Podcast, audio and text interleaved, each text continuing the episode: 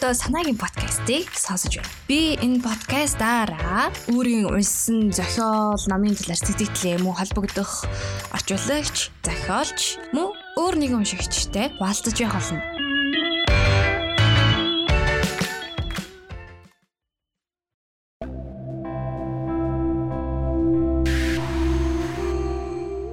Сайн мэцэн сонсогчдоо санаа байна. Ингээд санаагийн подкастны маань ээлж дугаар нэлийн хүлээлж хүлээлжсэн эцэс та бүхэндээ хүрж байгаах.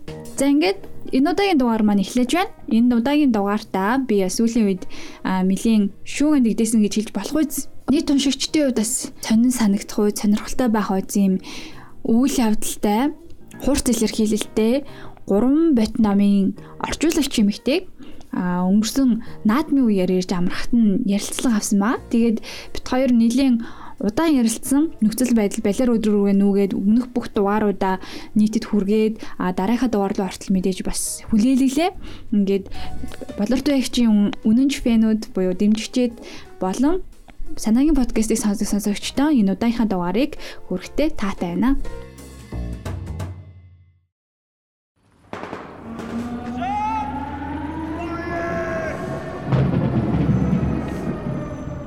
Уншиж байгаа хувьд гэх юм бол Агата Кристофийн хүү гурван цоврал ботын үйл явдал айгу хурц байсан. Ялангуяа бол нөгөө нэг секс сценүүд нь айгу хурц хурц буюу хүн яснаас жоохон гажууд одоо федофил ч юм уу банцны хүүхдийг сонирхох ч юм уу янз бүрийн тийм дүрслэхэд юм гүйцмэр чимшиг сонин чимшиг тиймэрхүү дүрслүүд их байсан учраас бол тэрүүгээрээ ч бас бус уншигч нартай сэтгэлээ овалцгаад бол ярьж исэн. Гэтэ зөвхөн тэр үйл явдлаас гадна дэлхийн 2 дугаар дайны үйл явдал үлсэлэн нэрвэгцэн тосгонд хүний сэтгэл, хүний морал яг ямар байдалд байдаг вэ гэдгийг харуулахыг одоо хичээсэн тийм сонирхолтой хор дүрсэлсэн байсан учраас бас дэлхийн алдартай болсон болов гэж бодсон. Зохиолч Агата Кристофи хувьд гэх юм бол нэлээд хожуу үедээ зохиолоо бүтээлээ бичсэн. Тэгээ хамгийн гайхалтай нь одоо өнгөрт дүрсэн тэгсээр нэ Швейцарын Франц хэлтэй хотод ажиллаж амьдрахдаа Франц хэл сураад Франц хэлээр нь бүр ингэ дэлхийд алдартай болсон зохиол бүтээл бичсэн. Өөрөөр төрөлх хэлээс биш нэмж сурсан хоёр дахь хэлээрээ ингэж алдартай зохиол бичсэн юм гайширмаар авесттай эмэгтэй байсан. Уншиж дуусныхаа дараа зохиолчийн битэн амьдрал маш сонирхолтой санагдчихсэн. Тэгээд мэдээж орчуулсан учраас болортой ягчижсэн Агото Кристофийн зохиолчийн тухай, амьдралынхаа тухай, үзэл баримтлалынхаа тухай маш олон сонирхолтой зүйлүүдийг мэдэж авсан. Энэ маань ч гэсэн ярилцлаган дээр гарах учраас бас та бүхэнд уншсан хүмүүс бас ялангуяа илүү сонирхолтой байх байхаа гэж найдаж байна. Ингээд ярилцлага хүлээн авч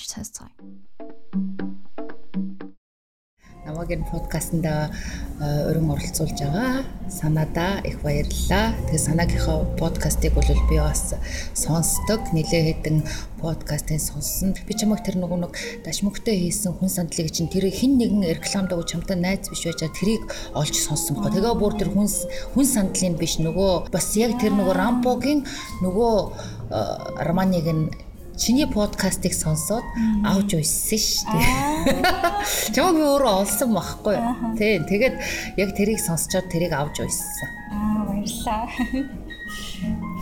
Таны ном бас орчуулагдаж гарснаас хойш нэлээд шууган дигдээсэн шүү.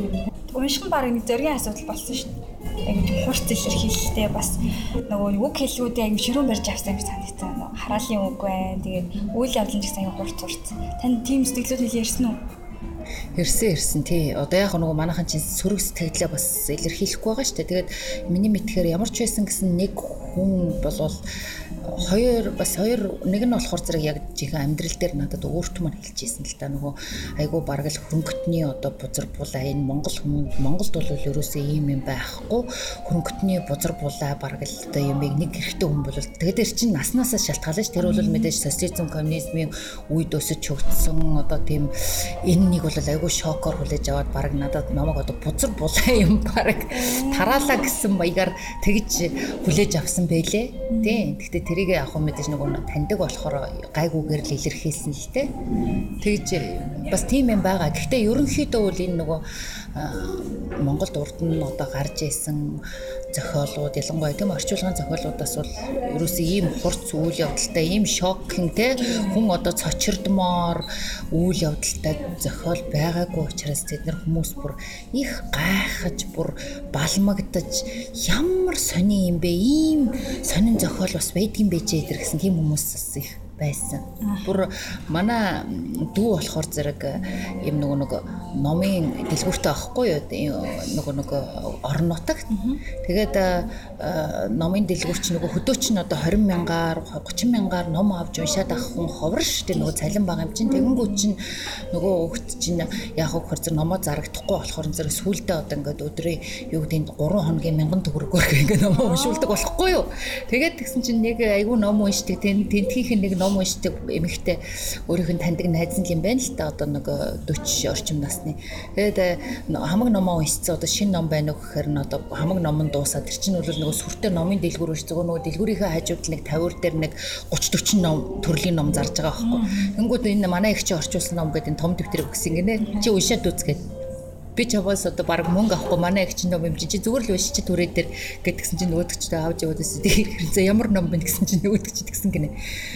Тэг ямар хэцүү уул нь маш сонирхолтой бүр салахын аргагүй. Гэхдээ бүр сайхан ч гэж хэлэхэд хаашийн муухай ч гэж хэлэхэд хаашийн. Гэхдээ бүр ерөөсөө маш л сонин ном. Би хизээч амьдралдаа ийм ном уншиж байгаагүй бүр ямар сонин ном бэ гэж бүр шок. Тэгсэн бүрлөө дараагийнх нь байна бүгдийг нь унших гэсэн. Тэгэхээр ерөнхийдөө ер нь яг тиймэрхүү юм болгож байгаа те. Тэр үйл явдал нь ерөөсөө юм цаашаа таамаглахын аргагүй. Чи ч гэсэн нөгөө ингээл юугаалаас уншихгүй байгаа л байсан те. Тэгээ бас яасан. Чамд юм урсдаг л төрсөн. Бас цочрлцсон уу? Тий. Очуулга бол таалагдсан гүгээ гүгээд явчихдаг. Сэтгэл өвтгөөс илүү толгой аягүй сайн ажиллаад тийм үлээ. Одоо яг бол гэдэг ч юм уу логик сайн ажиллаулаа. Тий. Тэгээ гурван дэвтэрсэн гурван 2 3 дээрээ л тэгнүүхээс эхнийх дээр бол нэг сүртэй толгой ажиллуулахгүй ч зүгээр л ерөөсөө ингээл шоконд ороод ингээл одоо нэг үйл явдлын дараа бүр ингээл ахаал өөрөвдөл тэгэл бүр гайхаал бишрээл тэр хоёр хүүхдийн ухааныг бишрээл тэгснэ нөгөө 100 муух гарan 30 бүрээстэй шоконд ор би бүр тэрэн дээр ойгсон ш. Над бүр тэр хиншүү хороос нөгөө еврейчүүдийг шатаадаг 100 бүр яг ингээд нөгөө кино шиг хиншүү харивсан үнэртэй бүрээснээр баг ойгсон ш. Тийм хүчтэй сэтгэл төрүүлэхэр бичдэг хүн те орчуулагч бас аюу сайн болсон үлээ Тий, орчуулга яг хүмүүс сайхан сайхан л гэдэг байгаа. Гэхдээ би яг одоо ингээд өнөөгийн өндөрлөгөөс эргэн харахад анхны юм гэдэг чинь анхны юм байдаг юм билээ. Тэгээ би одоо ингээд э, том дэвтрийг чинь орчуулад тэгээд яг нөгөө нэг юм уран зохиолын ийм юмыг бол орчуулж яасан надад туршлага бол байхгүй. Ялангуяа бас нэлээд юм том хэмжээний бүтээлийг тэгээ яг уран зохиол орчуулсан. Урд нь уран зохиол орчуулаагүй. Тэгээд э, тухайн үедээ бол мэдээж ингээд хүн чинь яг хийж явахдаа өөрөө гоё л орчуулж ийн л гэж бодоод шүү дээ. Тэгээ яг мэдээж өөрийнхөө одоо хамгийн сайныг хийсэн манай редактор Ямчуу ихч маань бол дур хаяж хоёр зассан. Тэгээ би өөрөө бараг л 10-аад засчихж байгаа байхгүй нөгөө редакторынхаа нөгөө нэг өөрчилсөн юмыг оруулахдаа ахаал уншин тэр чинь ингээл уншаал нэгэ тэгэл 10 одоо бараг орчим нийтдээ засаал ингээл гаргахад л дараа нь ингээл ном болцоо хань харахаар л ачаа чи юм байж л байгаа байхгүй. Яг нөгөө нэг ачаа ачин чүлтэй ер нь уншаад бол ойлгогдно. Гэхдээ ингээд илүү дутуу, илүү зохимжтой үг гэдэг юм засчмаар юм харагдаал байгаа. Хоёр дахь гаргасан. Хоёр дахь бол бас л нэг арай 10 хүрээгүй байх 7 8 ч юм уу зассан. Тэг чин ингээд яг нөгөө нэг өөр хүн ингээ уншаад бол хоёр дахь нь сайжирсан байна гэ гурав дахь нь гэ тэгэл гурав дахь нь бол би ерөөсөө 3 4 л удаа зассан. Аа. Манай редактор маань бол бас дандаа л хоёр л явж байсан л да. Тэг чин хамгийн цөөхөн удаа засагдсан мөртлөө чи яг ингээд орчуулган дээр төвлөрөөд унших юм бол нэг нь давгүй, хоёр дахь нь сайжирсан, гурав нь бол хамгийн сайнаар байгаа. Гэхдээ гурав дахь нь бол анхны хэвлэл нь зарагдаж дуусаагүй байгаа шүү дээ. Тэгээд засалтанд ороогүй мөртлөө айгүй сайн. Одоо энэ засагдсан хоёроос л илүү сайн байгаа. Тэгэхээр хүн чинь яг юмыг бол үнэхээр яг хийж ээж тэгээд явн сайжирдаг юм байна. Нэгдүгээрт хоёрдугаарт болохоор зэрэг би бас нөгөө зохиолчийнхоо өөрийнхөө үг хэллэгт дасан зөгцнө гэж байна. А хоёрдугаарт яг нөгөө нэг орчуулгандаа гаршихгүй юу бас тийм. Тэгээ яг орчуулгынхаа хувьд бол тийм нөгөө нэг үг хэллэгийнхээ хувьд бол яг тэр өгүүлбэрийнх нь хүндэрсэн мүндэрсэн арай жоохон нөгөө нэг тэр чинь аргагүй шүү дээ. Үйл явдлаасаа бодож чинь нэгдүгээр дэвтэр дээр үл 9 настай хүүхдүүд 9-өөс 17 насны хоорондох хүүхдийн яриагаар бичигдсэн байна. Надад богино хураангуй өгүүлбэр тэгэл нөгөө нэг диалогуудад айгүйх байгаа ш. Тэгэхээр тэд чинь айгүй хамгийн энгийнээр ярина те. Тэгэхээр хамгийн амархан байгаа. Гэхдээ амархан юм гэдэг чинь орчуулахад амархан биш юм байлээ. Нэг одоо тэрийг айгүй юм норшингуй ч юм уу тэгчиж болохгүй. А хоёрт нь болохоор чи одоо яг өгүүлбэр зөөхөн бүтцийг ингээ харах юм л арай өөр. А гуравдугаарт бол айгүй тийм яг нөгөө нэг Мань хашир Агата Кристивон их хэл нь Франц хэл биш учраас ерөнхийдөө бол тийм Францэлж амар олон цагтай. Тэгээд тэрүүгээр аягүй жоохон нюансаар ялгардаг тийм багхгүй юу. Тэг чи мань хашир ерөөсө 3 дугаар дэвтэр дээр л нэг өнгөрсөн цаг ирээдүйд ирээдүйд цаг баг орж ирэх байсан Тэгээ ирээдүйн цаг ерөөсөө орж ирээгүй зүгээр өнгөрсөн цаг ирээдүйн цаг орж ирэхдээ нөгөө хамгийн энгийн хэлбрээрээ одоо нөгөө англиар бол I'm going to go гэсэн тийм цаг байдаг байхгүй. Тэр хамгийн амархан байхгүй. Тэрүүгээр орж ирсэн байсан. Тэгээ ерөөсөө 3 цаг орж ирж байгаа байхгүй. Гэхдээ нөгөө 50 настай хүн хүрнж байгаа өнгөрснөө эргэн дурсаж хүрнж байгаа учраас тэр нөгөө нэг өгүүлбэрийнх нь бүтэц юм нь хүртэл нөгөө арай юм нөгөө гутранг нэг нэг юм хүнд те тэрийг чи бол одоо дараа нь 2 дахь 3 дахь удаага ингээ анзаарахтаа уншвал тэр уур амьсгал нь өгүүлбэрийнх нь хүтсэн ч өөр байгаа. Тэгээд тийм мөртлөөл илүү хүндэрсэн мөртлөөл би илүү сайн орчуулсан байлээ. Тэгэхээр яг үнэхээр явн гарсан юм байлээ. Тэгээд хиллэг болвол амархан боловчиг орчуулахад бас нөгөө нэг жоохон яг уу дасчул зүгээр болчихно л доо. Тэр нөгөө хурц гэж чи тэгээд дээ шүү дээ. Айгу илэн далангуу аймар аймар илэрхийлдэг. Тэгээд нөгөө бүр ингээл боовн толгойт молгойч үлээ бүр ерөөсөө одоо монголоор бол ерөөсөө орчлонгийн хамаг муухай хараал муухай үгийг хэлж байгаа байхгүй. Гэхдээ энэ чинь нөгөө монголын хараал гадаадын хараал өөр шүү дээ. Наад Франц хэлээр чинь хараанда Франц юм уу англофон барууны хэлүүд чинь айгүйх тийм секстэй холбоотой хараалууд байдаг шүү дээ тий. Тэгээ яг тэрийг нь одоо янхан манхан одоо юу гिचи э, янхны хүүхэд нусан жор юу гэдгийг тэгэл бэлэг эрэхтэн бэрхтнэр ингээ хараацсан. Тэгээ тэрийг чинь нөгөө орчуулгын би нөгөө эрхийг нь нөгөө Сөл гэдэг тэр Францын компаниас авахд тэд нар чинь амар урт гэрээ ирдэг юм билээ бүр 9 хуудас. Тэгээд тэрэн дээрээ ингээл нэг нэг нэг нөгөө хууль шиг те нэг нэг нэгдүгээр зүйлэн тэр гээл тэгэл нэг нэг нэг нэгin хоёр моёр гээл тэгэл тэрэн дээрээ болохоор зэрэг ерөөсөө өөрчилж болохгүй хаасч болохгүй зохиолын уур амьсгалыг өөрчлөхгүй яг байгаа хаваар нь орчуулнаа гэсэн тийм юм байгаа хгүй. Тэгэхээр зэрэг би болохоор зэрэг тэрийг яг байгаа гарна. Тэгээ бас Монгол одоо хараалын үг рүү ингэж дүүвүүлж тэгээгүй. Наадхыг чинь бол одоо тэр боовн толгойт гэж одоо эрэгтэй хүүхдийн боовыг хэлээд байгаа хгүй. Тэгжсэн бол яг тэр үгээр нь л бичсэн. Тэгэхээр чин тэр чинь айгүй шокхэн айгүй амар байгаа хгүй тий. Тэгэл ёо яста тэр амар тий. Тэгсэн чинь аваа би яана ингээд амар хадвар юм хэлчихөө. Манай нөгөө Америкт байдаг э, нэг ах байдаг хөхгүй миний нагацсаах. Тэгээ тэрэнд манай ашируулал хүрхийн их ном ном уран зохиол уншдаггүй л дээ. Тэгтээ нөгөө дүүгийнхээ орчуулсан номыг гэл би нөгөө ном явуулахаар нөгөөдөг чийс амар үйсэн. Ах нь одоо өглөө босчоод ажилдаа явахаас өмнө дүүгийн номыг явуулж чад яа ингээд нөгөө чи уран зохиол ном уншдаггүй чийс лаг үйсэн заяа. Тэгэл уншаад дуусчихаар нь би за тэгээд яа гана ах минь ямар байна наад ном чинь тань таалагдав гэсэн чинь энэ тэр чинь нөгөө өөрөө урлагийн хөгжимч юм багхгүй юу? Мэргэжлэн. Одоо энэ улсын ардын дуугийн тайзан дээр 20 жил юм бүлээсэн юм хөгжмийн удирдаач өлөөвөр хөгжмийн тэм хүн багхгүй юу?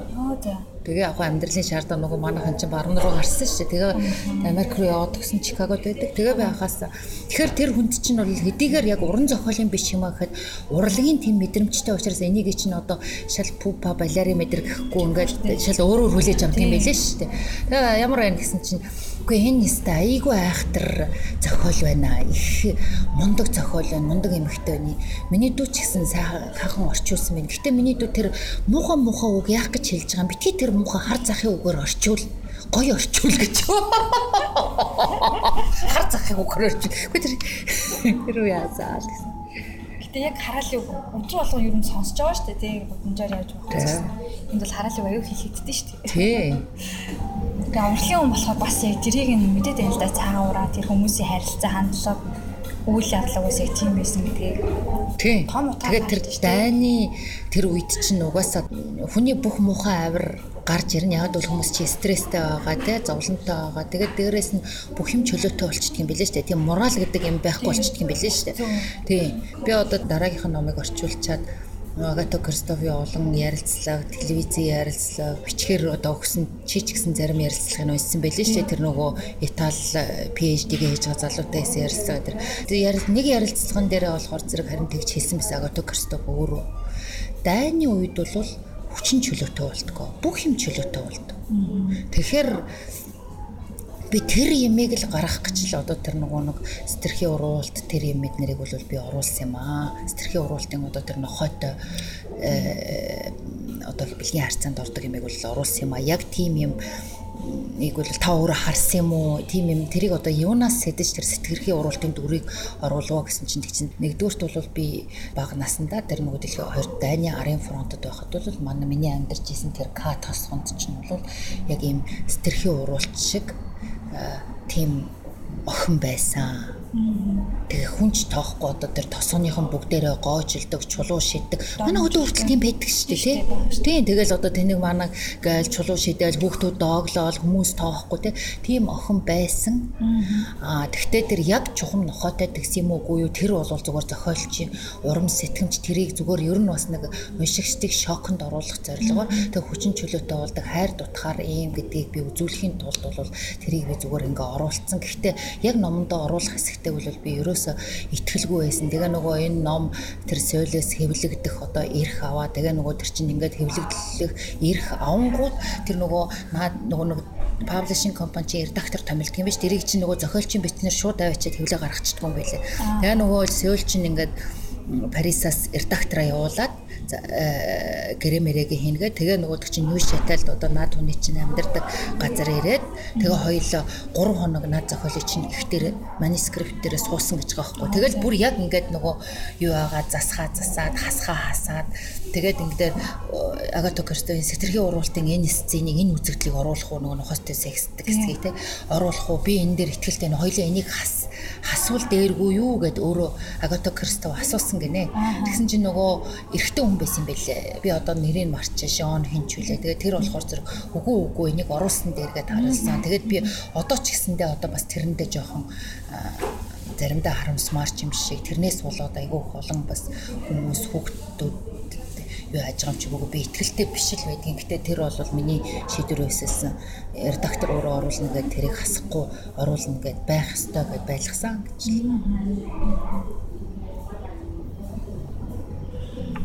Агата Кристоф бас өөрөө айгүй амьдрал хийсэн ихтэй л ч тий. Өөрхөн төрлөх хэллэр биш өнгөр юм ихтэй тий. Тий. Юу яасан гэхээр зэрэг манай хашир бол бараг л 18 тийм дунд сургуулаа төгсөөд манай хашир болохоор зэрэг 10 жилийн сургууль одоо монголоор бол 10 11 дугаар ангид ахта тэр нөгөө түүхийнх нь багш өөрөөс нь нилээ ахмад тэгтээ тэр тийм амар яг нэг 30-аад нас ч юм уу 27 8 тэгээ 10-аад ах ч юм уу тийм хүн түүхийнх нь багш нь одоо дурлаад нэг суудсан юм билээ. Тэр хоёр суудсан юм билээ. Тэгээ суунгуудаа тэр чи хүүхэд гаргаж тэгээ нөгөөдөг чинь болохоор өөрийнх нь хүсэл болохоор зэрэг тэр хар жоохноос л зохиолч болох хүсэлтэй. Бүр трийгээ бүр мэдчихсэн. Тэгээ зохиолч болох хүсэлтэй тэр ерөөсөө 9 настайдаа ч үлээ баг анхныхаа шүлэг мүлгийг бичсэн. Тэгээд ингээд ийм хүсэл мөрөөдөл нь бол тодорхой тийм байсан чинь яг одоо нөгөө амьдралын ирэхээр тэр нөгөө хүнтэй суугаад тэгээд дөнгөж суунгуудаа хүүхэд олоод тэгээд манай аширыг чинь нөгөө Будапешт явж одоо дээд сургуульд явах хүсэл нь лөөлөө болсон юм байлээ. Тэгээд тэгээд нялх хүүхэд дөнгөж гаргачаад байжсэн чинь 1956 оны 11 сар юм уу 10 сард нөгөө зөвлөлтийн цэргүүд танктайгаа Будапешт руу орж ирээд одоо Будапештийн урд нь бол яг нөгөө дайны дараа бол хэдийгээр зөвлөлтийн цэргүүд Орос цэргүүд чөлөөсөн боловч фашистын Германаас чөлөөсөн боловч тэр улс чинь өөрийн гэсэн одоо Унгар маягаараа ингээд хөгжиж исэн бодвол капиталист ч юм уу чөлөө зах зээлийн иймэрхүү маягаар хөгжиж исэн чинь гэнтхэн Оросууд одоо социалист системтэй хамтдхан нэгтгэнэгээ танкаар ороод ирсэн байлээ шүү дээ. Тэгэл яалч аргагүй тулгын шаардлагатаар ингээд социалист болсон орон юм байлээ. Тэгээд манай ашир одоо нялх хүүхэдтэй ингээ 21 настай 35 он төрсөн юм чинь яг ингээ 21 настай жоохон залуухан эмэгтэй нялх хүүхэдтэй байж байхгүй юу.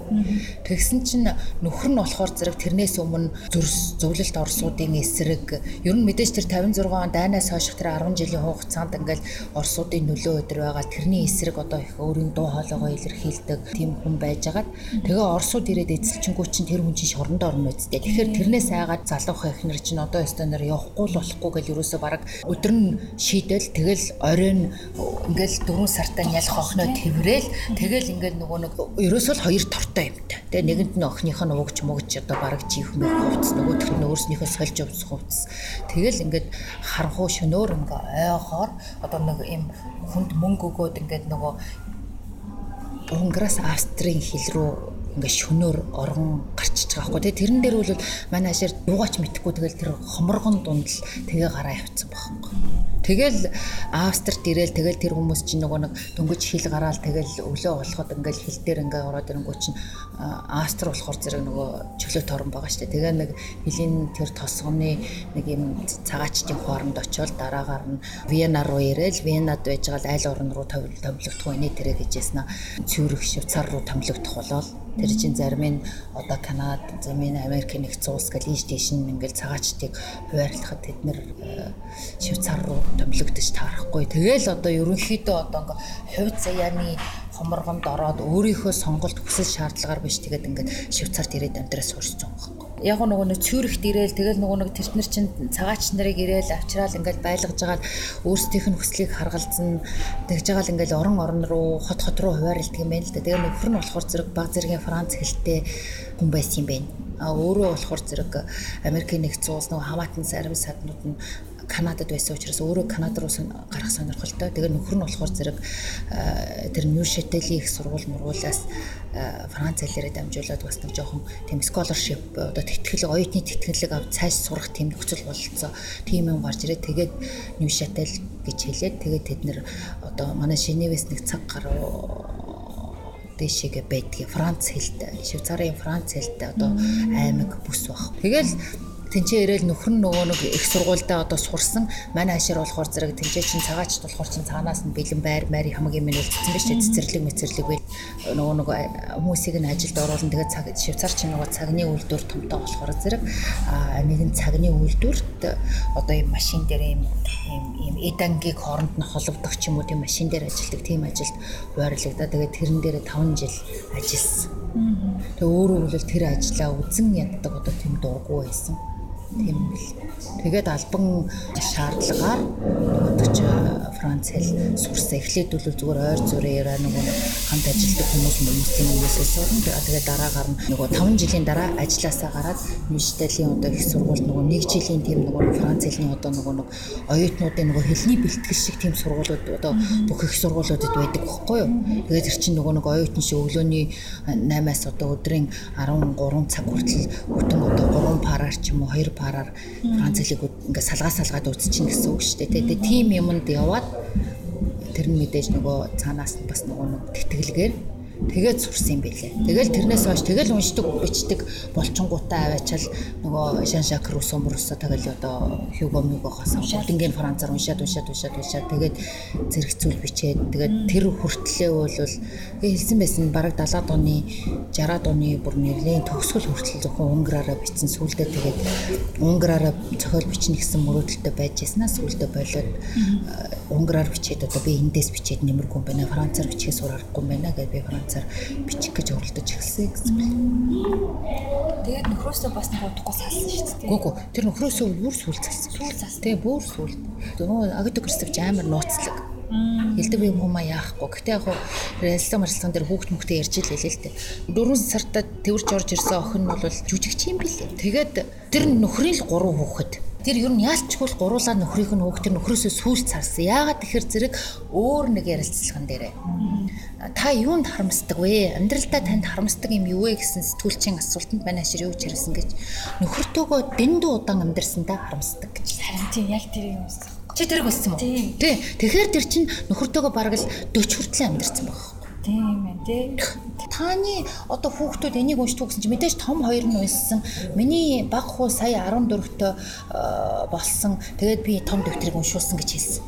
Тэгээд тэр чинь бол энэ чинь энийг 50 настай эхний номыг бичсэн шүү дээ. Тэгэхээр тэр сүүлийн хүүхдүүд бол их хожим гарсан байгаа дээ. Бараг 40-т 30-д гарсан байгаа хүү. Нэг артлалт нь нөгөө зурганд байдаг. Яг энэ бичиж эхэлсэн үеийн зураг тий. Тий. Нарцангаас залуу харагдсан юм. Бүр сүулдэ үйл хөөрхий айгүй юу ядарсан тийм болцсон байсан. Гой нүдтэй тэгээд цаанаа нэг гонигтай арттай юм л ш. Зургийг хийсэн чинь. Гэтэ хувь тавилан гэж бас тэгэж гараагүй бол бас зохиолынхаа замлаа орооч юу. Яг үн. Би яг тэгж үзье. Яг тэр нөгөө энэ Эрдэнэ солонго гэдэг нөгөө яруу найрагч зохиолч байдаг дээ. Эрдэнэ солонго ч гэсэн тий. Тийм өмнөтгөлийг э, бичиж өгсөн. Эрдэнэ солонго болохоор ингэж хэлсэн байхгүй. Энэ Агато Кристоф хэрвээ ийм хүнд хэцүү одоо ийм сэтгэл нь ингээ дотроо хідэн хэсэг хуваагдсан их орноод тэмүүлсэн эсвэл нөгөө үр хүүхдүүд нь энэ оронд ингэсэн одоо ийм хоёр оронтой ийм одоо цагаачийн амьдрал туулаагүй бол энэ хүнээс энэ бүтээл гарахгүй байх байсан. Яг л Унгартаа одоо элэг бүтэн эх орондоо эхлэн дундаа байсан бол энэ хүнээс ийм хүчтэй бүтээл гарахгүй байх байсан гэж Эрдэнэ солон галсан чинь надад яг үний юм шиг санагдсан. Дараагаар нь тэр хүний ярилцлага, тэр хүний тэр ер нь бол их дарк, маш их гонигтай, хүнд, өгцөр, одоо саркастик тийм хүн шүү дээ. Тэр сэтгүүлч мэтгүүлчийг үлээлбэр тэр яг нөгөө телевизийн ярилцсан дээр бүр удаа болгосон ш нэг сүүлийн тэр аналфабет одоо гээд одоо миний аналфабет гэд бичих үсэхгүй хүн гэсэн үг байхгүй юу Францаар. Нөгөө алфавит гэдэг чинь цагаан толгой гэсэн үг дээ. Тэгэхээр аналфабет гэхээр эсэргүүцээд цагаан толгойгүй хүн буюу уншиж чадахгүй хүн гэсэн үг байхгүй юу? Одоо тэр чинь сүүлийнхэн зохиол болчихж байгаа байхгүй? Манай ажир чинь 75 6 гэдэг нас орсон. Тэгэхээр бараг 70 нас орчимд нь одоо хийсэн. Одоо жинхэнэ эмгэн болцсон үедээ хийсэн ярилцлаган дээрээ сэтгүүлч ингээд асуусан чинь нөгөөдөг чинь тэр сэтгүүлчийг бодоо олгосон. Юу гэсэний чи тэр сэтгүүлч болохоор зэрэг одоо юу гэдэг нөгөө нэг их гүрний дээрэнгүү үзэлч гэдэг юм уу тийм юм айгүй нэвчүүд мэдэж байгаа байхгүй. Наадах чи одоо зүүн Европын юм унгар хэлт, мажар хэлт хүн дээ тий. Тэр нөгөө бичиг үсэггүй хүн гэдэг номных нь хамгийн одоо хүчтэй хэсэг нь болохоор зэрэг намайг баг байхад дайсны хэл бол герман хэл байсан. Яг тэр нөгөө фашистуудыг. Дараагаар нь миний дайсны хэл, бидний дайсны хэл бол орос хэл болсон. Тэгээд би одоо ингээд 50 жил Швейцарт амьдарлаа. Тэгээ одоо бол би дайсны хэлийг Франц хэл гэж үзэж байна. Миний дайсан бол Франц хэл гэж байгаа юм. Яагаад гэвэл тэр тэр нь яг ингээ поэм шиг ингээ юм богинохон богинохоноор явцсан. Францаар яг тэгж таарч байгаа байхгүй. Яагаад гэвэл Франц хэл миний их хэлийг алж байгаа учраас би Франц хэлийг дайсны хэл гэж үзэж байна. Тэрийг би уушаа бараг ойлгож чадсан шин. Юугаас амар хүчтэй хэлж байгаа байхгүй. Тэгээ тэрийг нь нөгөө сэтгүүлч эмэгтэй одоо Швейцарын төв телевизийн одоо сэтгүүлч эмэгтэй тэр чинь 20 минутын л ярилцлага байхгүй та яагаад Франц хэлийг ингээд дайсны хэл гэж үзэж байгаа юм бэ? Та Франц хэлийг сураагүй байсан бол та Франц хэлээр энэ номыг бичээгүй байсан бол та эдийн энэ алдар нэрэнд хүрэх үү? гэсэн тийм айгу муухай маягаар ингэж асууж байгаа байхгүй. Тэгсэн чинь нөгөөдөг чинь тэр чинь айгу юм сэтгэлийн хөдөлгөөнгүй юм инээ чанахгүй ерөөсөө нэг юм хөлдөө маркийн тийм яриатай хүн шүү дээ. Юм лээ жинхэндээ тийм ерөөсөө юм юм хүн тийм халдашгүй маягийн тийм манертай хүн бил. Гэсэн чинь би герман руу цагаачилсан байсан бол би герман хэлийг чинь сураад яг наад номыг чинь бичээл. Адилхан л одоо тэр алдар нэрэн чинь хүрэх байсан штэ гэсэн хариулт өгч байгаа хөөхгүй. Англи хэл англид би хойрлогдсон одоо нөгөө оногдож очсон бол би англи хэлээр натаа чинь бичээл гаргаал. Яг одногийнхоо одоо алдар нарт хүрэх байсан гэж байгаа юм. Гэсэн чинь яагаад Франц хэлийг стандараа одоо баялаг үгийн сантай Хьюгогийн бичсэн одоо ийм сайхан хэл учраас тэрийг та яагаад ингэж байгаа юм гэтгсэн чинь Франц хэл ердөөсөө ч баян биш шүү дээ. Ердөөсөө ч байгаа штэ гэсэн чинь яагаад тав те комон гэдэг чинь яагаад яагаад тадаг ч гэсэн чинь жишээлбэл Франц хэл чинь ингээд юмыг дүрслэхтэй. Миний их мажар хэлийг гүцэхгүй. Дүрслэл нь ядмаг. А хоёрдугаарт танаа Франц хэл хэлний үйл үг маш цөөхөн. Жишээлбэл миний мажар хэлнээс цөөхөн хитгэн л нэг 2 300 л үйл үг өгдөг штеп. Үнэн баггүй 2 300 үйл үгээр л та нар бүх юма илэрхийлдэг үсттэй. Ингээд тэгэнгүүт нөгөө сурвалжлагч хөөхөн амаа таглуулж байгаа тийм амар кул амар лаг. тийм жинхэнэ кул амар амар амар мундаг. Тэгээ яг үнэн багхгүй. Франц хэлний үйл үгийг хувирлж амар хэцүү. Тэгээд тэрийг чи яг ингээд ийм номын барьцаа цээжилдэг байхгүй. Би одоо хүүдээч гэсэн ингээд яваа нэг нэг нэг үйл үгийг чинь чи бараг 10 янзаар ингээд хувирснаар цээжлэн. Тэгээд тэр нь нөгөө нэг анхныхаа одоо нөгөө to be гэдэг үг нь одоо ямар ч юм уу цаг дээр ингээ хуурахаар бүр тэр тэрнээсээ шал өөр үг бараг тамхи татах гэдэг үгтэй ижлэхэн өдр царайтай болцсон явж байдаг байхгүй юу. Тэгээ айгүй хэцүү. Тэгээд тэгээд тэр яг ингээл Франц хэлэнд яг тэр үйл үгийнхэн тэр ном нь ерөөсөө ийм л ном байгаа. Үнэхээр л 250-аас 300 үг л байгаа. Тэгэл тэрүүгээр л одоо ингээд дамнуулж иж бүх үйлдэлээ илэрхийлж иж. Тэгэхээр тэрийг ингээл үзэл яасан чинь үнэхээр л яг үнэн баг. Нилээн боловсрч нилээн амьдралд орж иж л өстө дайны үйл явдлыг харуулж тээ. Тий. Тийм тэгээд чи бодвол ойлгосон үл дээ. Эхний дэвтэр болохоор зэрэг ерөөсөө тэр дайны арт талд яг жинхэнэ өөрийнхөө эмээгиндээ тэр хөдөө К тосхонд яг үнэхээр л К тосхон тэр козлец ч үлээ тэр Кошегч гэж уншдаг лөө тэр тосгондоо ээж мэжтэйгээ байсан юм билээ. Тий.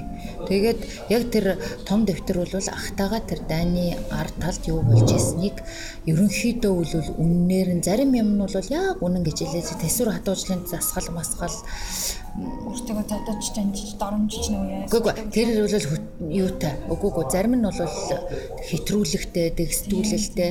А тэгвэл ерөнхий одоо үйл явдлын арга маань бол яг тийм гэж. Тэрийг э, зарим юм нь өөрөө шинээр зохиосон тэр дүлэрдэг, мүлэрдэг, сохордог, мохордог гэдэрийг зүгээр л нөгөө нэг өөрөө дунд охин байхгүй. Дээд доод хоёр нь эрэгтэй байхгүй. Тэгээ ах нь болохоор өөрөөс нөгөө ой хагсын зөрөөтэй. Тэгээ Яно гэдэг ахтайгаа ойрхон нөгөө нэг үеийн хүүхдүүчийг тоглож өссөн шүү дээ. Тэгээ ах ахтайгаа л янз янзын юм тоглолдог байсан юм ал нэмж чимээл баяжуулаад биччихгүй. Тэгэл яг нөө сэтгэлийн уруулт авах шиг тийм юм. Илтэг үзэл байсан юм шүү дээ. Дайнаас бол батай.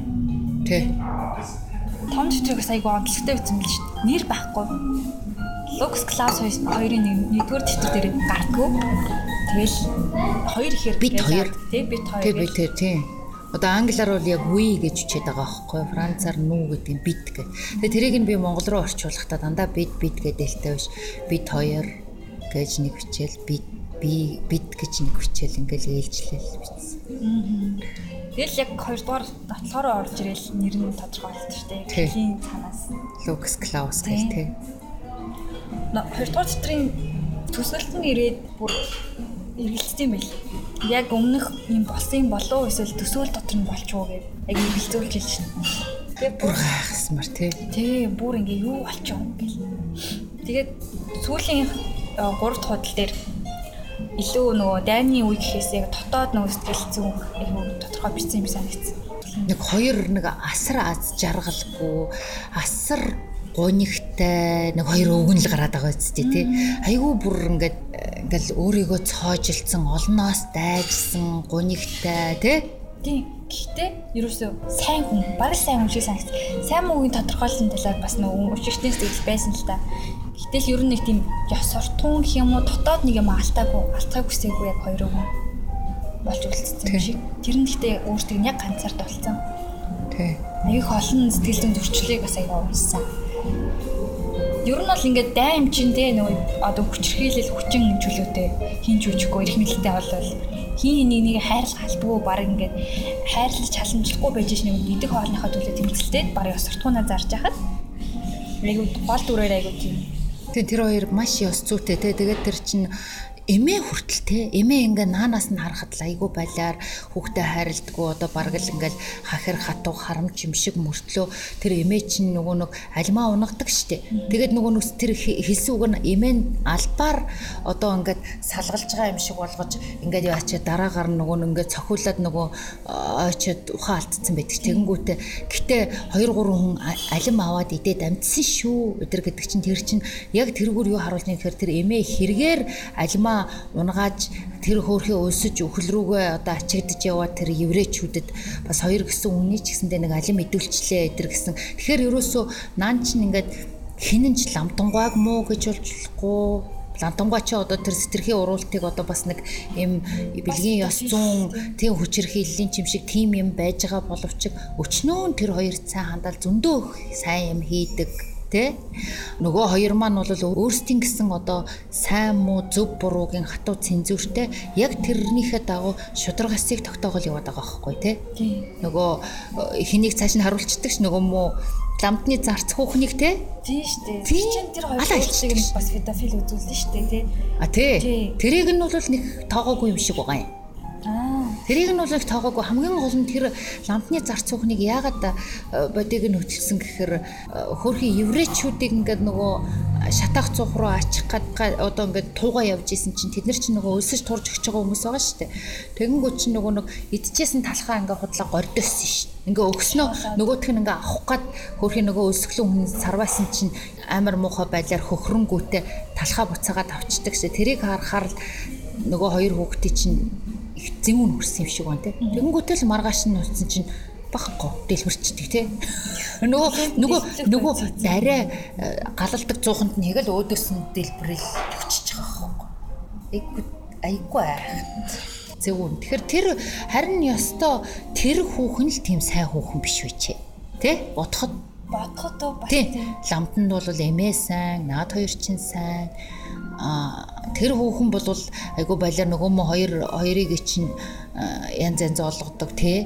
Тэгээд дээрэс нь тийм муха харгас хэрцгий өрөвдөх сэтгэлгүй те? Дайны ард талд нөгөө эмгтээчүүд бас одоо юу яаж исэн эр хүний хайр үүдгийн инхрийлэл одоо сексэр их дутагж исэн гэдгийг л гаргахын тулд тэгж гаргасан юм уу гэж би ойлгосон шүү те? Би болохоор тэр эмгтээг үнэт зүйлээ зарцсан юм яг тийм бүр юучгүй болцсон тэр ядуу хүний хүртэл өрөвдөхгүй талгаа те? Харуулчаал булааж авчаач малаа тэгэхээр нөгөө лукс класс хоёр бүр ингээд үзий ядаад цааш нь харуулчлаа гэж хэлсэн. Тэр сэтгэлгээ оруулалт хүртэл өөр хэн штэ тий. Үгүй ээ тэр сэтгэл нь яагаад нөгөө бас ингээл туслаал ингээл юм хийгээл яваад идэх үстэй. Дайны үн жилүүд эрүүл сэтгэцтэй юм гэдэг чинь ялангуяа үгүй бараг л заримдаа Улаанбаатар хүртэл заримдаа ингээд яг амар тайван хэцүү санагдаад шүү дээ гарч байгаа хэрэг зарим талдаа бүр амар тийм хэсэг биш л дээ. Гэхдээ ингээд сэтгэл зүйн хувьд сайн нийгэм тогтцохын тулд бас яг суртахуунтай байхын тулд хүмүүс яг иргэн бүрийн ч юм сэтгэл зүйн хувь анзаарах хэрэгтэй юм шиг байна. Харин тий. Фидофил гарч байгаа нь тий одоо энэ зохиол дээр дайны гэдэг байгаа шүү дээ. Түн дайны үед юм байт юм уу гэхээр Улаанбаатар Монгол байгаад байгаа байхгүй. Гэхдээ бүр чи тэгээ бас ядуу оронд байна уу гэтэл үгүй. Ерөөсө тэр юм чинь одоо бүр энэ хөрөнгөтөн одоо юу гэдэг те баян Э, хөгжингөө орнуудад ч гэсэн байж л байгаа. Тэгэхээр тэр чинь бас яг нөгөө дайны ард талд юм ингээд хүмүүс ингээ моралаа хөлөндөө гიშгсэн тийм үед л болдог үйл явдлуу гэтэл э, эн чинь ерөөсө хүн төрөлхтний түүхэнд сайхан инх жаргалтай үед нь ч муу муухай үед нь ч байж л байсан юм л байна. Бүх юм. Аа яагаад одоо тэр хөгжингүү одоо зовох юмгүй те эд материалын талаас зовох юмгүй оронд байгаад байна гэхээр чинь зарим нь яг тэр бол гаж явдал учраас тэр нэгдүгürt хүмүүс тэр тийм гаж хүмүүс цаанаасаа төрдөг байх нөгөө нэг бэлгийн цөөнхүүд чинь бол одоо тэгэж өөрийгөө тэгж хэлээд тунхаглаад байгаа шүү дээ. Бид нар бол төрмөл юм аа гэдэг. Тэрнтэй адилхан тэд нар нэгдүгээр төрмөл байж болно хоёрдугаарт олдмол байж болно. Эсвэл гуравдугаар нэг шалтгаан нь тэд нар бүр одоо бүх юмыг одоо ингээд үтцсэн нормал бэлгийн харьцаа ямар юм. Цэцэн тэгээ одоо хүүхэдгээд ингээд нөгөө нэг бүр зугаага бүр хийх байхаа олж ядаа тэр бол угаасаа таниглал одоо тэр ёстой ёс суртахуун бүх ер нь хүн биш мал болж ин л гэсэн үг байхгүй. Тиймээрээч тэгж ийсэн бай тэгж байгаа байж болно шүү дээ тий бас айхтар айхтар дүрслэл гарч ирлээ ч юу. Бас л үнэхээр нэрээ элен далангуу бүр хүн нэрээ цочирдмор цочирдмор үйл явдал бол нэг дээр их гарч байгаа тий. Хоёр дээр ч гэсэн бас айгуух гардаг шүү дээ. Гурав дээр л гайгүй байдаг баг тий. Тэр ерөөсөө тийм секс ямар ч үуч гарахгүй. Зөвхөн зүгээр хөгшин хүний бодол гараад байгаа байхгүй юу? эргэн дурсах бодол тэгээд тэр нь ерөнхийдөө тэгээд тэр хүмүүс хоёр маань хичнээн хоёулаа нэг уйтгаргуу нэг зовлонгийн далаад өмсөн юм шиг тийм хүнд те уур амьсгал нь маш хүнд.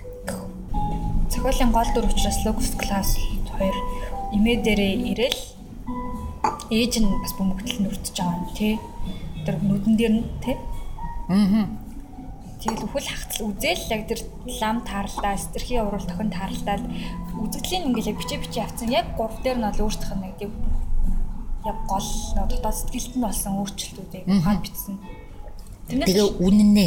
Тийм. Чи тэгээ ойлгосон уу 3 1 2 3 аль нь үнэн аль нь юу юу байв гэдгийг? Гурвал унаа гэж утсан. Тэг гурвал үнэн. Зөв нэг хоёрыг чи юу гэж ойлгосон тэгээ?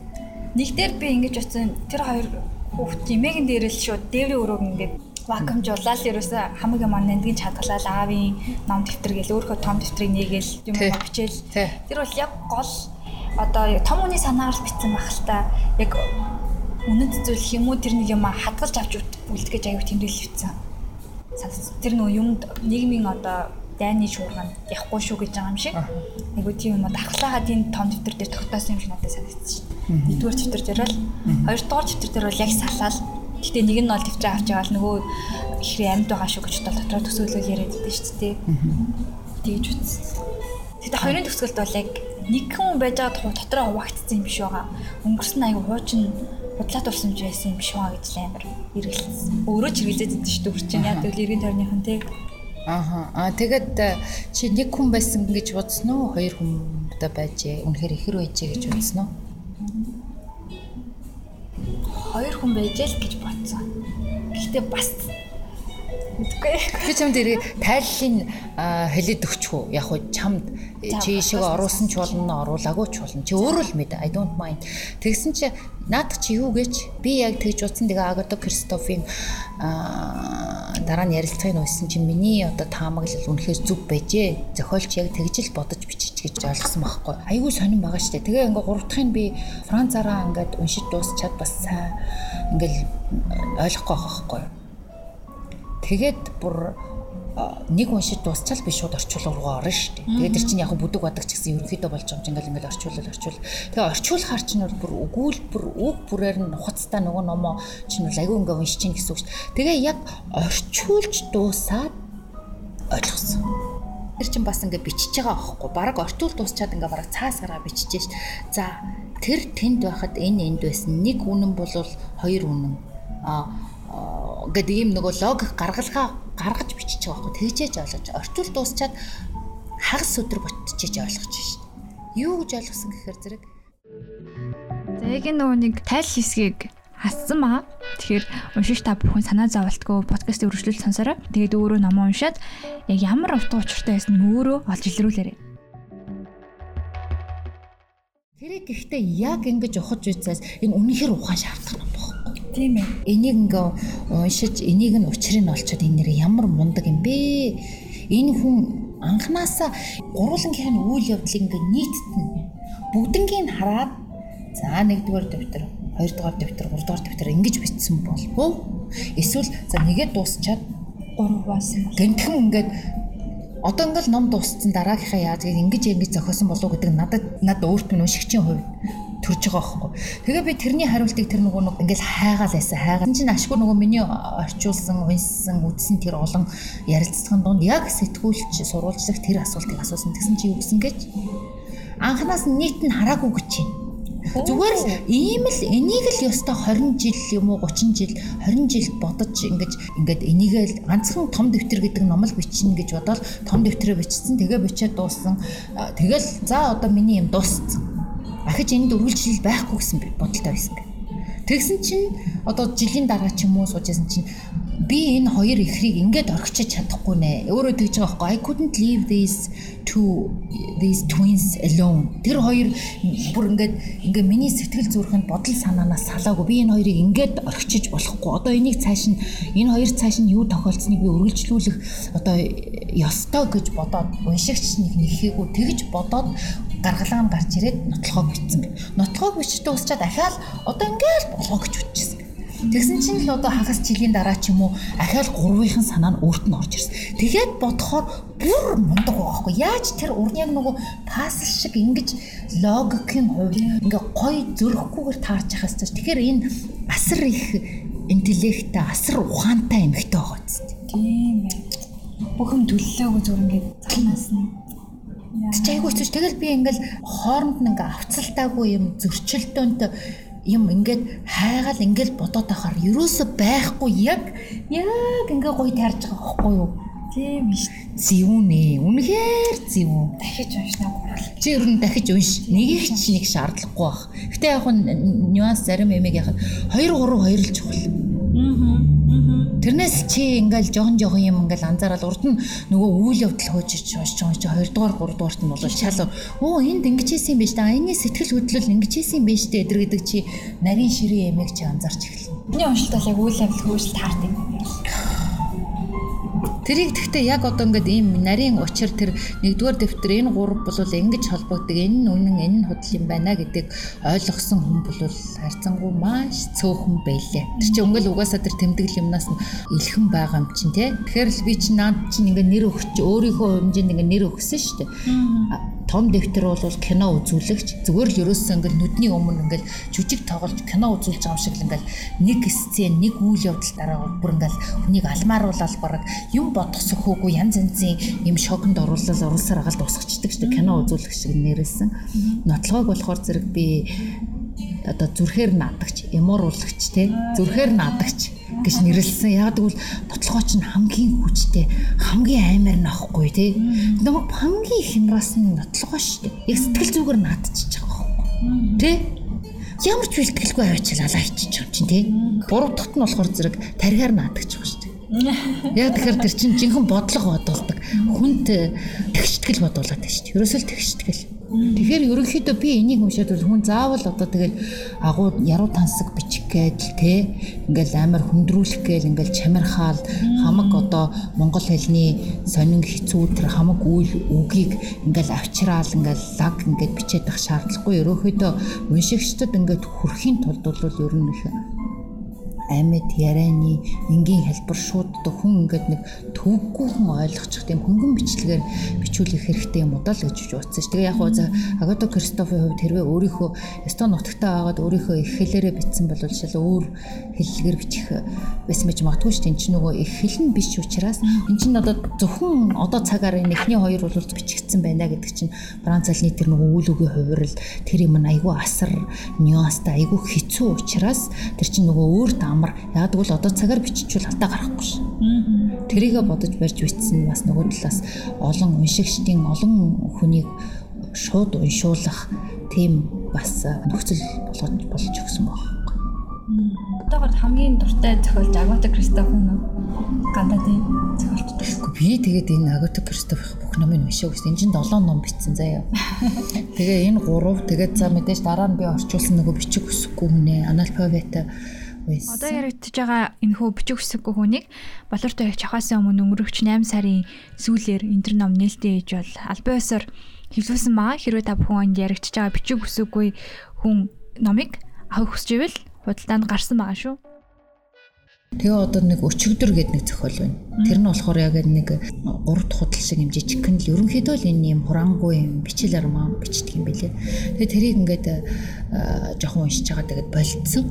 Тэгтээ тэрийг бол ер нь уншина. Ерөнхийдөө л нэг иймэрхүү юм бил ер нь дарк айгуу тийм хүнд бараа автар тэгээд дандаа тийм зүуд зүн бэлэг тийм сонин сонин сцен айгүй хурж ирдэг. Ингээл шуу муу гараал. Тэгээд айгүй сонин тэр чинь одоо нэг тийм зүгээр л дүрсэлж байгаа мөртлөө тэрний хүний тарих толгойн зураглалт айгүй хүчтэй кино болж харагдаад тэгээ бас айгүй эмоцтой хүчтэй нөлөөлдөг тийм л тийм л бичлэгийн өнгө эстэн байлээ. Тэгэхээр айгүй тийм хүний эмоц сүтгэл зүрхийг айгүй хүндэж чаддаг тийм бичлэгийн өнгө эстэн хүн. Дүрслэл сайтай тий. А тэгээд энэ саяын одоо орчуулсан одоо тэр бичиг үсэхгүй хүн чинь бол амар жоохон зөхөө шүү дээ. Манай хаширын сүлд хамгийн сүлд битсэн бараг захиалгаар битсэн юм юм бэлээ. Яг тэгэхээр нөгөө энийг чинь одоо ингээд нэр нь ингээд алдартай энэ хүний номыг бол үнж фэнүүд нь аавна гэсэн зорилготойгоор тэр нэг Швейцарын нэг жижиг паблишинг компани та одоо ингээд юм богино хэмжээний намтраа бичиж өгөөч. Энэ өөрөөсөө би одоо зохиол бичихэ боллоо. Одоо тэтгэвртэй гарлаа, зохиол бичгээс тэтгэвртэй гарлаа гэсэн. Эндээ сууж исэн чинь сууж исэн чинь тэгээд мөнгө амлаад гуугаад ахаа нь өөрөө тэгээл тэрийг илэн далангүй хэлчихээ. Яадаг бол надад дажгүй мөнгө амлсан. Тэгээл би битсэн, easy гэд битсэн чинь яг суугаа битсэн чинь ерөөсөө тийм амар бас хэлбэр юм байгаагүй. Тэгээ нөгөө өнгөрсөн дурсахыг хүсдэггүй, эргэн санахыг хүсдэггүй. Тэр ой санамжууж айгүйх эргэн дурсагдаад над намайг баг ингээд эвгүй байдалд оруулсан эдрэлж хэлж байгаа байхгүй юу? Баг depression төрсэн биш үү тий. Тий нилээ хэдэн сарын турш битсэн гэл тэгжээлээ. Тэгээ тэр ном болохоор зэрэг юм жижиг жижиг өгүүлэх шиг ингээд юм тос тостаа тий. Тэгээд ерөнхийдөө үйл явдал дөрвөн настад эхлээд юу гэдгийг одоо 70 настай тий тэр номыг бичих хүртэл 70 настай 50 жил одоо баг 70 жилийн ч юм уу үйл явдлыг гаргаж байгаа мөртлөө чи бодоо аагаар ингээд тэр Франц тексттэй уг Монгол тексттэй орчуулсан тексттэй би ингээ хэвлэхээр 25 хуудас ш. Тэгм учраас би агай хурдан орчуулсан байхгүй юу? Яг уу энийг унссан хүмүүс бол аван л ах л та. Тэгээ би хэвлийнхээ компанида сая ирэхийнхээ өмнө нөгөө нэг гэрээгээ өөрчилж байгаа байхгүй юу? Энэ хүн өөр нөгөө Матиас чи хаана нэг ингээд юм нэг өгүүлэгтэй нэг жүжигтэй, жүжигийн зохиолтой. Гэтэ тэр хоёр хоёулаа бас амар жоохон. Өгүүлэг бол одоо ингээ принтерлээд гаргаад ирэх юм бол ерөөсөө 2 хуудас. Франц эхийг нь харахаар зэрэгэл ерөөсөө нэг 10 20 хуудас. Гэтэ ийм жоохон форматаар дээ. Тэр чинь тэгээд яхаар бараг 10 хуудасаас илүү гарахгүй хаа. Тэгээд тэр чинь бол дан жүжиг юм чинь дан диалог дээ. Тэгээ би тэгж удаад хамгийн гол нь тэр жүжигийн зохиол тэр хоёр чинь бас тусдаа ном Матиас чи хаана байна гэд бүр ийм хараа ийм карманы ийм жоохон ном номын форматаар гарсан байхгүй. Тэгээд тэр хоёр маань энэ Edition de Zoe Zoe гэдэг Швейцарын одоо манай Шиневт байдаг энэ publishing компани ирэхээр сүүлийнх нь хоёр ном нь гарсан юм байлээ. Энэ долоо номны чинь тав нь энэ соёлоор а үлдсэн хоёр нь манай Шиневт байдаг publishing компани одоо оюуны өмчөөр байдаг байхгүй. Тэгэхээр би тэр компани нэгэнтээ миний одоо тэр саяын тэр аналфабетаас эрхийг авсан компани энэ хоёр номыг хоёулангийн гарсан юм чинь би хэлсэн. Би яаж ингэж хүнд ингээ 20% хуудас те 50% хуудас номыг би одоо ингээд энэ айгүй хэцүү байна. Тэгэхээр би энэ Үе Матиас те Матиастай энэ номтой чинь холбоод ингээ гурван зохиол орно тэ намтар нэг өгүүлэг нэг жүжигний зохиолоор хамтруулад би нэг ном болгож хэвлүүлъя гэсэн чинь нөгөө бид нар одоо Агато Кристофийн эстейтээс одоо нөхөх үр хүүхэд мөхөд тийм л юм шиг байл тэднэрээс зөвшөөрөл авъя гэсэн чинь зөвшөөрсөн гэн тэр анаглав бичих хүсэхгүй юм бол чи бодолтой 70 жилийн амьдралыг 20 хуудсанд багтаасан. Тэгэхээр тэр тэр хүн чинь мэдээж хувийнхаа амьдралын ч юм уу тиймэрхүү нэг хэмиг арга зохиолч талаасаа гаргасан байлээ хувь хүн талаасаа мэдээж тэр гэр бүлийн амьдрал тиймэрхүү юм гараагүй. Ерөөсө тэр хүн тэгэл их янзтай. Айгуу тийм үр нөлөө нь хүчтэй тийм одоо powerful нөө зохиол. Тэгээд намтар гэдэг хүний намтар дурсамж гэдэг одоо мемуах гэдэг шүү дээ тий. Францаараа бол яг мемуахч биш. Одоо юу гэж хэлдэг вэ? Реси автобиографик гэж байгаа байхгүй. Реси гэдэг чинь нөгөө нэг одоо хүүрнэл автобиографик намтрын хүүрнэл гэсэн маягаар хэлж байгаа байхгүй. Тэгэл ерөөсөө ингээд нэг 6 7 10-аад гарчиг Эхнийх нь гарчих нь одоо ингээл нэг ганц хууц ч үлүү тийм хөө жоохон. Тэгээ тэрэн дээр нь дөрөв настайгийнх нь үйл явдал гарч байгаа.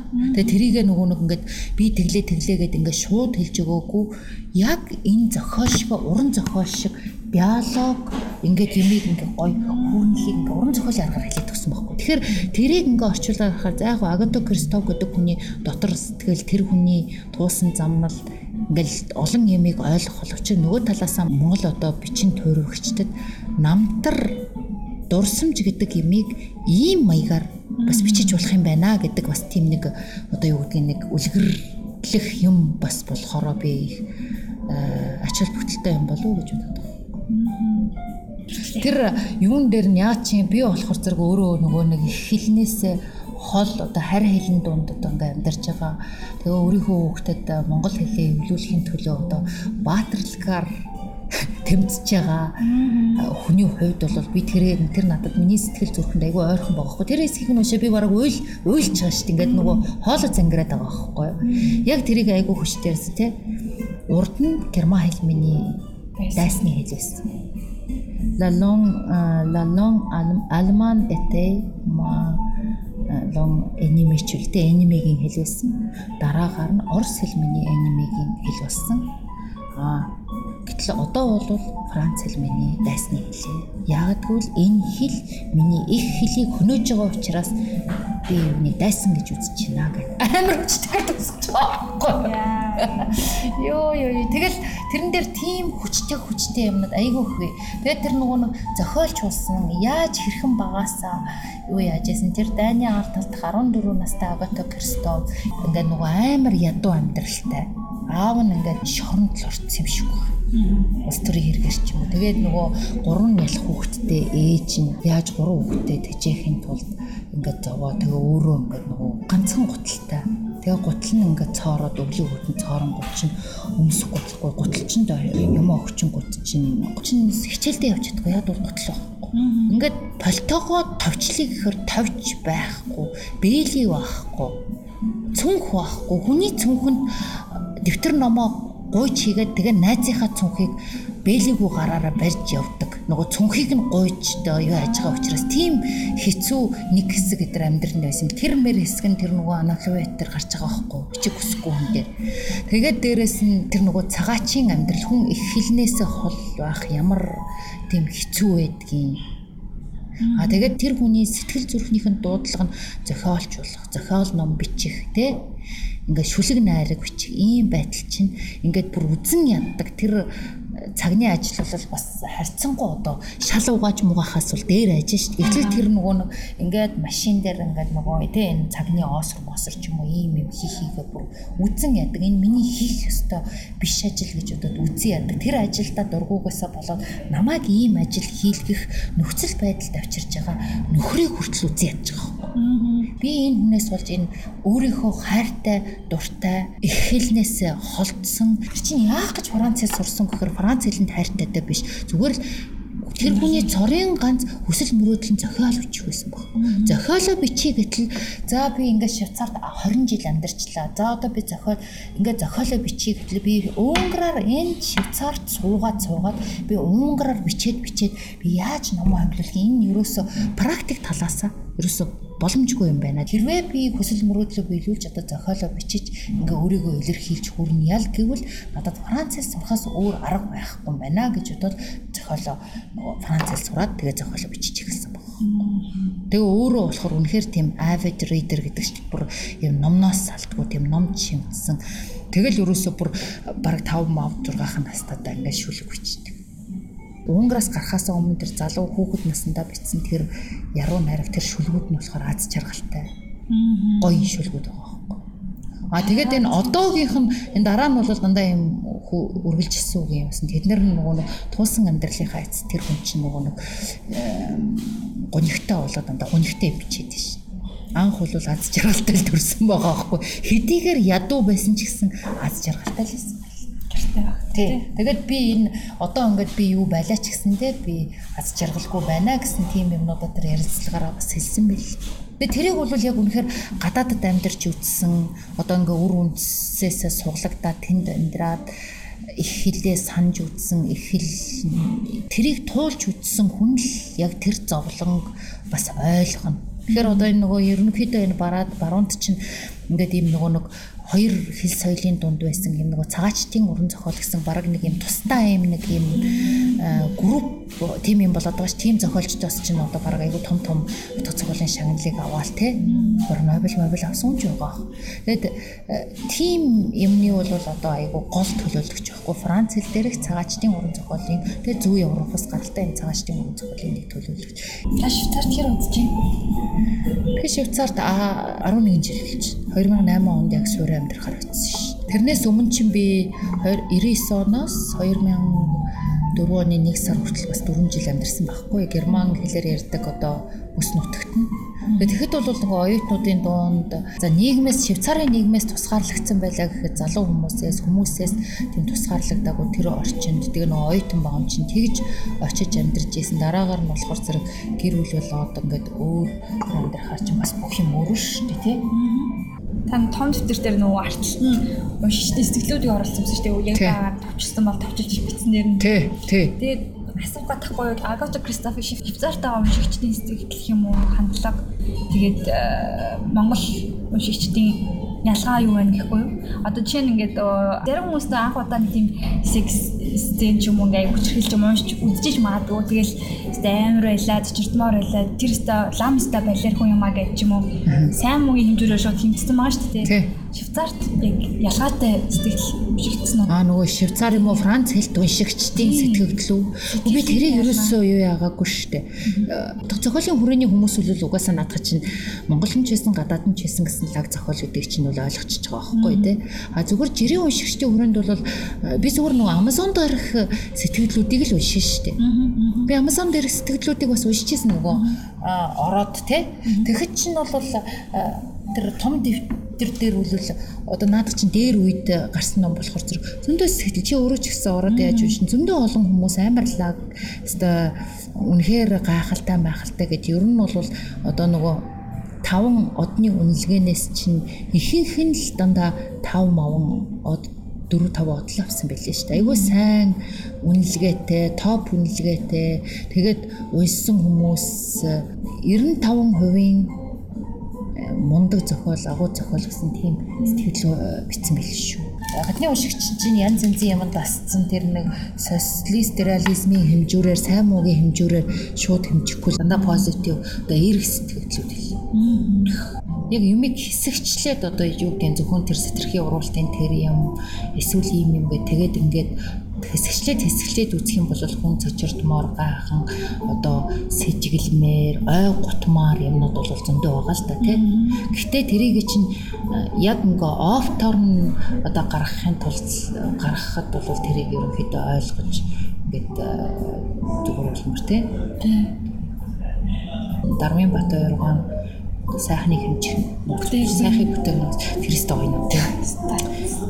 Үнэхээр нэг сайхан нуу. Ялангуяа сайхныг бүтээхийн нууц навчсын хөөрлөнч яг бас юм тус тустай болохоор бас нөгөө хоёроо нөгөө хоёроо надад тийм дурсамж уу тийм. Над тэндээс тажмахалын тэр дурсамж Таж Махалын тухай бичсэн бүр ингээд нүдэнд харагдсан шүү. Энийг би хэлдгийн нь болохоор зэрэг тэр нөгөө сайхныг бүтээх нууцыг би нэг хоёрыг уншичаад надад бат хоёргаа айгүй сайхан хүн юм шиг. Ингээд зүгээр яг нөгөө зохиолыг уншихаар энэ зохиолч гонигтай хүн юм байна да. Энэ зохиолч нэг тийм хүн юм байна да. Аз жаргалтай хүн юм да. Энэ хүн позитив хүн юм байна да гэдэг нэг тиймэрхүү юм суудаг ч тийм. Би тэрийг тэр гурвыг уншаад бат хоёргоог энэ юу нэг тийм нэг сайхан хүн юм байна да гэдэг тийм надад мэдрэмж төрж тодорхой хэмжээгээр хайрлах сэтгэл төрсэн байхгүй. Гэхдээ би тэр хүнийг юусаа мэдэхгүй ш амьдрал дээр. Тэгээ айгу энэ энэ айгу сайхан юм байна да гэж над тийм сайхан сэтгэл төрсэн. Тэгээд өөр нэг юм нь болохоор тэрийг чинь унснаар бас сайн муу зохиолыг, бүтээлийг одоо ялгах, үнэлэмж, мөнлөмж идэр гэсэн тийм нэг юмыг айгу гоё хэлж өгсөн байгаа шүү дээ тий. Тэгээд нэгэн дээр нь ингэж хэлсэн шүү дээ. Манай хаширын хэлж байгаагаар сайн зохиол байдаг ингээд нэг нийтлэг шинжүүд гэдэг. Нэгсэн чинь сайн зохиол бол багтаамжигтай байх хэрэгтэй. Тийм үү? Сайн зохиол ганц зохиол биш зураг байж болно, хөгжмийн бүтээл байж болно. Ямарваа нэгэн урлагийн бүтээл, сайн бүтээлийн ялгаа бол нэгдүгээр маш их багтаамжтай. Тэр одоо хөгжим, хөгжмийн одоо бүтээл 2 3 минутын одоо ая байж болно. Гэвчиг тэрэнд багтааж байгаа санаа асар том одоо симфон шиг дөөр шиг байж болно шүү дээ. Тэ том хэмжээний бүтээл. Тэгэхээр тэр чинь заавал юу ш нэг санаа те А хоёрдугаар нууцлаг байх хэвээр. Ингээ бүх юмаа ингээ ил ингээ хэлээд өгчүүл тэр маань юу биш юм аа. Уншигч өөрөө тайлдаг. Уншигч хүн болгон өөр өөрийнхөөрөө тэр зохиолын, зохиолчийн хэлэх гэсэн санааг өөр өөрийнхөөрөө ухарлаж ойлгодог. Одоо ерөнхийдөө бол санаагаа далталж өөхөнд юмд хүчиж өгч нуух нь шүү дээ. Гэтэ би энэ том дэвтрийг орчуулахаас өмнө нөгөө сайхны бүтээгдэхүүн нууцыг чинь нэгдүгээр дэвтрийг нь би энийг орчуулахаас өмнө уншсан байсан байхгүй. Тэгээд тэгэхэд үл бидэг. Аа тэгээд дараагаар нь энийг орчуулж явах явцын дундуурчлуу дундуур нь би 2 дугаар дэвтрийг нөгөө сүүл Монгол явж авчираад уншсан. Тэгээд ингээд нөгөөдхөө түрүүнийхийгээ эргэж хараад тэгээ би нөгөө тэрийг уншчихгоотаа эргээд энэ Агато Кристофо бодож байгаа байхгүй. Тэнгүүд яг үнэхээр тэр Батбаяр хэлсэн аа нөгөө сайн зохиолын одоо гол шинж тэмдгүүд шүү дээ тий. Багтаамжих далайг тусалд багтаасан зохиол бол муу юм байна. Аа хоёр нууцлаг гэдэг бол ерөөсөө амар те ялангуяа 3 дугаарт бол үнэхээр нууцлаг хүн ингээ бэлэн хоол биш. Үнэхээр уншиж дуусчаад бас нилээн бодлого бодож сууж байж хариуг нь олдог ийм зохиол байгаа байхгүй. Тэгэхээр энэ бол сайн зохиол. А тэгээд тэр яагаад би одоо их багтаамжтай юм бэ гэдэг ингээд илүү хоёрхан одоо хүүхдийн энэ амьдралаар ялангуяа нотлогоон дээр те бас гурав дахь худал дээр ингээд тэр чин түүх те тэр дайны одоо бүх түүхийг ингээд өгүүлчихэж чинь те хэлбэгтлийн тухай өгүүлчихэж. Өөр тэр Кларагийн амьдралаар улс төрийн хэлмэгдэл гэж ямар аймаар юм. Тэр улс төрийн хэлмэгдэл гэдэг чинь тэр нийгэм тийм үү социалист одоо дарангуулагч нийгэм хүнийг иргэнийг яаж хэлмэгдүүлдэг юм. А тэгээд ингээд гимгүн хүн ингээд өгчөж чинь. Тэгээ гимгүн хүн ингээд буудаад алчингууд тэр ард талд эхнэр тэр ард үлдсэн хүн яаж зовж яаж сэтгэл зүйн траума одоо цочролд орж ам амьдрал сэтгэл зүй бүх юмараа хохирч одоо сүг маягаар амьдарч гин гэдгийг зүгээр тэр нөгөө нэг үйлчилж байгаа одоо эффект шүү дээ тэрүүгээр нь гаргаад өчөж байгаа байхгүй тэр бол үрс амар хүчтэй те хэлмэгдэл гэдэг чинь ийм амар юм гэдэг тэрүүгээр ингээ үзүүлчихэж байна. Гих мэтчлэн. Тэгээд социалист нийгэм Тэ тэр дарангуулагч одоо наа чи нөгөө нэг тэр 3 дээр гардаг Лукас. Миний өмнө 50 жил амьдарсан тосхон минь байж ингүүд уншигч хэлээд энэ ямар тосхоны тухай ярьж байгааг мэдэхгүй байхгүй. Тэгээ ингээ бодож тэр Австрид очоод 50 жил амьдарсан тосхон. Тэгэхээр Австри гэхээр хөгжингүү орны чөлөөт зах зээлтэй капиталист орны 50 жил. Тэгээд энэ анга анх амар гоё байсан, гол усны юм байсан. Тэгсэн чинь хайвей тавьсан. Тэгээ ингээд амар хөөрхөн юм өөрийн гэсэн одоо характертай юм хөөрхөн юм хувийн жижиг кафе байсан. Multinational одоо McDonald's шиг юм те сүлжээнүүд орж ирсэн. Тэгээд ингээд ийм ингээд хүндий хүйтэн болсон. Тэгээл ингээд хүмүүс манай эмч ингээд намайг ингээд хүчээсэн ч тоохгүй зүгээр эмээ бичиж өгөөл болоо. Тэргээл тэр чинь нөгөө нэг хөрөнгөтөн мөнгөний нийгэмд хүмүүсийн хандлага ямар байдгийг мөнгөний нийгэм энэ байгаль цаг уурын бүх юмыг ингээ яаж өөрчилдгийг гэдэг юмыг ингээ эффектээр нь те үр дүнгээр нь гаргаж байгаа байхгүй. Тэр ингээ ялгааг нь гаргаад өгч чинь. Тэгээд дайныг гаргаж чинь хайр дурлалыг төмөн янзын юмыг ингээд их том юмыг бас багтаасан байгаа тийм. Тэгээд дээрэс нь нөгөө нэг зохиолчийн сэтгэл хөдлөл өөрийнх нь дүгнэлт юу гэсэн энэ номонд ороогүй. Одоо зохиолч нь өөрөө ороод энэ сайн байна, энэ муу байна. Хүү энэ ингэчлээ ямар муухай харгас хүн бэ гэдэргээд өөрөө дүгнээдгүйгээд байхгүй. Өөрийнхөө сэтгэл хөдлөлийг оруулахгүй. Дээрэс нь баатруудын сэтгэл хөдлөлийг ерөөсөө оруулаагүй. Зүгээр тэрнийх нь үр дүнг нь харуулж байгаа юм тийм. Ингэчлээ. Тэгээ одоо юу гэдэг гонхарлаа гэдгийг зүгээр ингээд нулимс нь урслаач гэдэг юм уу тийм цонхор хараад сууж ийн гэдэг юм уу тийм тэгэл ерөнхийдөө нэг ингээл гонихраал байгаагийн тэр үйл хөдлөлөөр нь л үзүүлж байгаа байхгүй тэгээд нэг өөр нэг сайн зохиолын шинж чинь тэмдэг чинь угаасаа хэлж өгөхгүй нөгөө don't tell but show it гэдэг чинь тэгэхээр яг үзүүлээд байгаа байхгүй тэгээ энэ Агата Кристофи чинь тэр ах нь Яно гэдэг нэртэй баг дүүн Атила гэдэг нэртэй өөрөөс нь үгүй 5 6 ч дүү юм уу тийм залуу юм байна. Тэр нь Унгарта бас зохиолч. Унгар хэлээр. Тий, Атила гэдэг. Тэгээд тэгсэн чинь энэ Швейцарын нэгэн сурвалжлагч чинь их яхар гэж байгаа байхгүй ерөөсө хүнтэй ингээ тийм хүнд ингээд нэг ярилцлага марилцлага өгөх дургу тийм хүн байсан байл ш. Тэгээд арай гэж ингээд ярилцлага авах гээд ингээд яасан чинь наадах эмхтэй чинь айгүй юм жижигхэн биетэй эмхтэй гэж байна. Угаасаа тэгээ настай ч болсон чинь тэгээ юм хар устэй. Ингээ уулзсан чинь амар юм intelligent eyesтай тэгээ айгүй юм ухаалаг нүдтэй. Тэгээ айгүй жижигхэн биетэй. Яг юм жижигхэн petit гэдэг чинь одоо жижигхэн гэсэн үг байхгүй. Им petit asiatic Аз бомж шиг харагдсан гэж авч. Тэгэнгүүт би яг нэг тэр нэг мянган жилийн өмнөх юм чинь бас нэг тэгэл ингээд Европ цустай холилдсон ч гэсэн бас нэг юм. Тэгээ яг надад юм жижигхэн хар устай, ухаалаг нүдтэй Аз эмэгтэй шиг надад санагцсан гэдэг нөгөө ярилцсанхаа өмнө нэг юм сэтгэлээ бичдэг сэтгүүл чинь тэгээ бичсэн мессеж. Би тэнгууд энэ бас яг үнэхээр Монгол юм э, бас юу байна даа л гэж би бодсон. Тийм ээ. Нүдэн аягүй өмнө цагдсан шүү. Зоггүй юм. Айгүй ухаалаг мэддэг гэсэн. Intelligent eyes-тай гэсэн. Тэгээ наад том дэвтрийг чинь амар олон компаниуд одоо кино production ч гэдэг юм тийм хүмүүс та наадах чинь кино болгоё, кино болгоё гэж авах гал ингээд яадаг. Тэгээ наадах чинь амар яхэр хил амаа олцоход айгүй хэцүү тэгээд өвдгүү яадаг бол нөгөө өөрийнхөө яг нөгөө энэ зохиолыг нэг хит их өөрчлөхгүйгээр ингээд кино болох гэдэг шүү дээ. Тэгээд кино болгоод гарангууд чинь мань хаширт ерөөсөө нөгөө кино таалагддгүй. Яг тэгэхээр том дэвтэр кино болж гарахаас өмнө Италийн нэг найруулагч тэр миний түрүүний ярьжсэн тэр өчигдөр гээд тэр нөгөө нэг эсрэг арманыг нь кино болгоод гаргахтаа яг киноныхны эрхийг манай ашраас худалдаж аваад тэгээд киног нь эргээд гаргасан чинь нөгөө төгсгөлийг нь одоо нэг Америк кино шиг аз жаргалтай төгсгөлтэй болгочихжээ хүчлээ.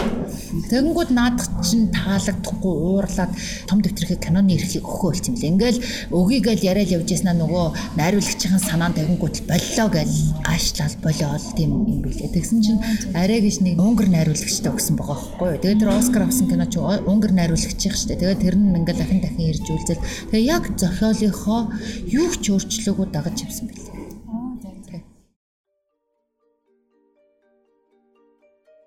Подкаст маань оролцсонд маш их баярлалаа. За намайг э, оролцуулсан ариун санаа бүсгүйдээ их баярлалаа. Би чиний имийг байнгын тий сонсогч байна. Тэг уншигч гэдэг шиг сонсогч байна.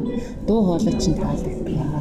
Хөгжим дууны ордох тэр хөгжим цоглог гоё хөгжим шүү дээ бас. Санаагийн подкастын маань ээлж дугаарыг та бүхэн хүлээн аван сонслоо. Подкастын эхлэл хэлсэнчлэн дараа дараахаа дугааруудыг балер өдрөсөгүүдээр хүлээн авч сонсороо. Миний подкастыг сонсонгоо бусад хүмүүстэй ч танилцаад бусад хэрэгтэй мэдээллүүдийг ч авч ивэл ингээд бид нарын балер өдрөгийн нийтлийн маань зорилго одоо биелж байгаа нь тэр юм шүү. Ингээд дараагийн дугаар хүртэл түр баяртай.